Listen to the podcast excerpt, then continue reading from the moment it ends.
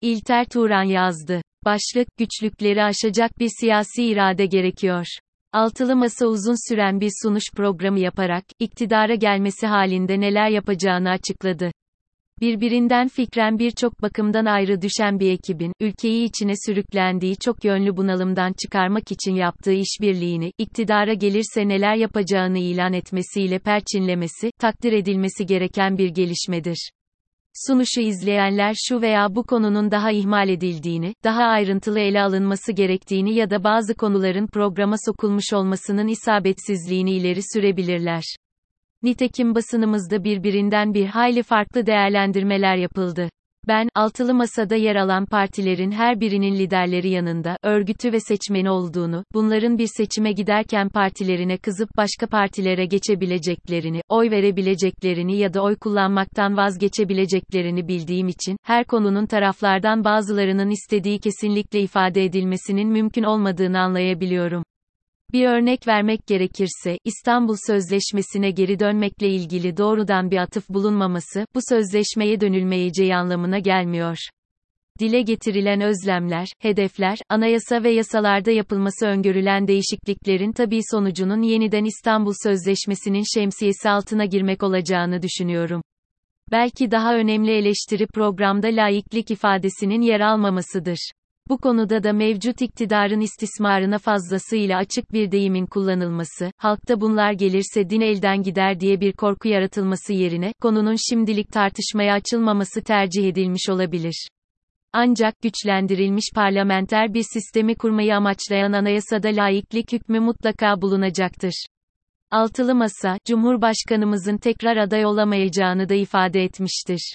Herhalde zamanı gelince Yüksek Seçim Kurulu'na bu konuda itirazlar yapılacaktır. Ancak konunun kampanyanın başlıca konusuna dönüştürülmesinden uzak durulması yerinde bir tercih gibi gözükmektedir. İktidarın büyük ortağı yaşanan iktisadi felaketi seçim gündeminden uzak tutmak, gündemi başka konularla doldurmak için büyük bir uğraş verecektir. Muhalefet cephesinin bu tuzaktan uzak durması, tartışmayı insanların duygularını hareket geçirmeyen, somut yaşam tecrübelerini indirgemesi önem taşımaktadır. Bu gözlemler, altılı masayı sorunların beklemediği anlamına gelmiyor. Altılı masayı bir araya getiren en önemli husus, giderek otoriterleşen, devlet parti sınırlarını ortadan kaldıran, eleştiriye ve dolayısıyla muhalefete hayat hakkı tanımamaya yönelen bir iktidarı görevden uzaklaştırmaktır.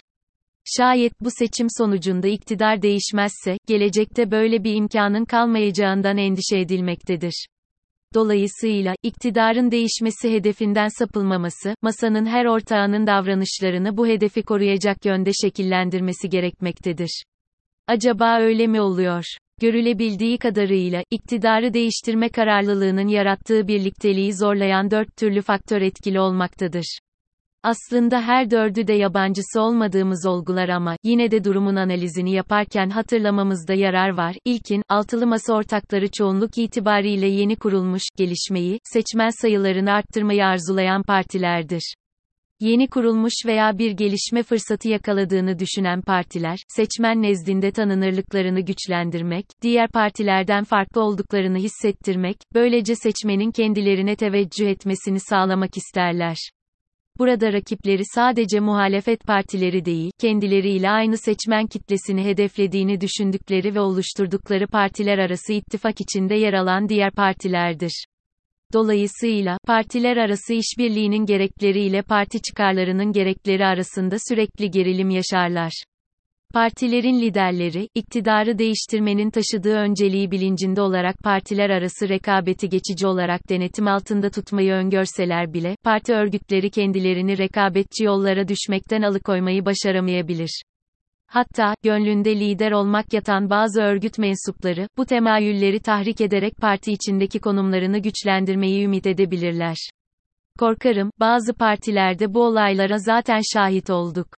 Daha önce Saadet Partisi liderine dönük girişimler oldu, daha sonra İyi Parti'de de benzer güçlükler yaşandı. Yenileri de yaşanabilir. Gelelim sıkıntı yaratan ikinci faktöre.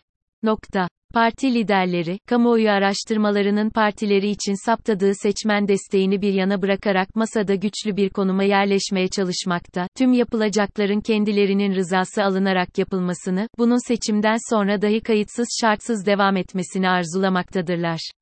Seçimi kazanmak üzere kurulan koalisyonlarda her zaman ortaya çıkan bir sorun vardır. Eğer iktidara gelmek için seçmen desteği zayıf, örneğin genel oyun sadece yüzde birini veya daha azını alabilecek siyasi partilerin de koalisyonda yer alması gerekli görülürse, bu küçük partiler seçmenden almaları beklenen desteğin çok üzerinde bir siyasi ağırlık kazanırlar.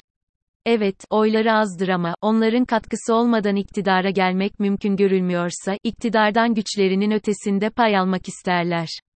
Bu payın ne olacağını kestirmek güçtür. Şu anda altılı masada zaman zaman tezahür eden ve hemen denetim altına alınmaya gayret edilen tartışmalara bakılırsa, bazı küçük ortakların liderleri şimdiden önemli görevlere talip olmakta, iktidarda güçlü söz sahibi olmayı tasarlamaktadırlar. Seçim kampanyası sırasında muhalefetin kazanma şansının yüksek olduğu görüldükçe, bu kişilerin daha iktidar olmadan büyük paylar talep etmeleri, böylece muhalefet koalisyonunda geçimsizliklere sebep olurken, muhalefet cephesinin seçilme şansını da zayıflatmaları söz konusu olabilir. Üçüncü bir faktör, incelediğimiz ikinci faktörün etkisini daha da şiddetlendirebilmektedir. Siyasi liderler genelde güçlü kişiliklere sahip bireylerdir. Ancak hepsinin kendilerine duydukları hayranlık aynı düzeyde değildir. Bazıları daha mütevazi, başkalarının söylediklerini dinlemeye hazır, her konuyu bildiklerini düşünmeyen, edindikleri bilgilerin ışığı altında görüşlerini değiştirmeye hazır kişilerken, bazılarının egosu diğerlerine hükmetme, onları saymama, her istedikleri olsun diye tutturmaya daha yatkındır. Mesela bir masa üyesi, yapılacak her işte kendisinin de imzası bulunacağını ifade etmiş, diğer ortaklardan gelen uyarılar üzerine yanlış anlaşıldığını, genel bir mutabakatı kastettiğini açıklamak zorunda kalmıştır. Son faktör, HDP'nin iktidarı değiştirme ve yeni anayasa yapma işlemine nasıl katılabileceği ile ilgilidir. Burada önemli bir açmaz yatıyor. Kamuoyu araştırmaları iktidarın değiştirilmesi için gerekli çoğunluğun ancak HDP'nin de muhalif grubun içinde yer alması ile mümkün olacağını gösteriyor. Buna karşılık, altılı masanın en az bir üyesinin bu parti ile herhangi türden bir işbirliği yapılmasına sıcak bakmadığı biliniyor. Bu güçlük nasıl aşılacak? Bir ihtimal HDP'nin kapatılacak olursa onu destekleyen seçmenin iktidarı değiştirmenin önemine inanarak altılı masa adayını desteklemesidir. Dile getirilen bazı görüşlere göre, HDP adı geçen bazı Cumhurbaşkanı adaylarını kabul edilebilir bulmaktadır. Böyle bir isim aday olursa, sorun kalmayacaktır.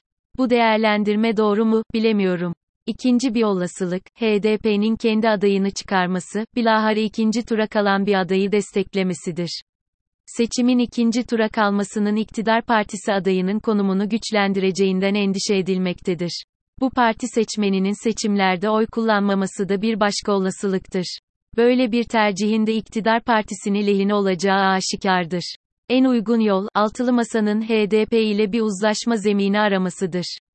Bir kamuoyu araştırmacısına göre, İyi Parti örgütünde MHP'den kopanlar çoğunlukta olduğundan, HDP ile işbirliğine karşı çıkılmaktadır. Ancak, bu partinin seçmeni eski MHP seçmeni değil, kentli muhafazakar ama çağdaş ve nispeten layık kişilerdir ve HDP ile yapılacak işbirliği bunları partiden uzaklaştırmayacaktır. Görüyorsunuz, altılı masayı bekleyen güçlükler az değil. Bu güçlükler ancak tüm ortakların birincil hedefin iktidarı değiştirmek olduğunu kabul ederek, ona göre hareket etmeleri sonunda aşılabilecektir. Bu mümkün olacak mıdır? Mümkündür ama yukarıda sıralamaya çalıştığım gibi, güçlükleri yenecek güçlü bir siyasi irade sergilenmesi gerekiyor.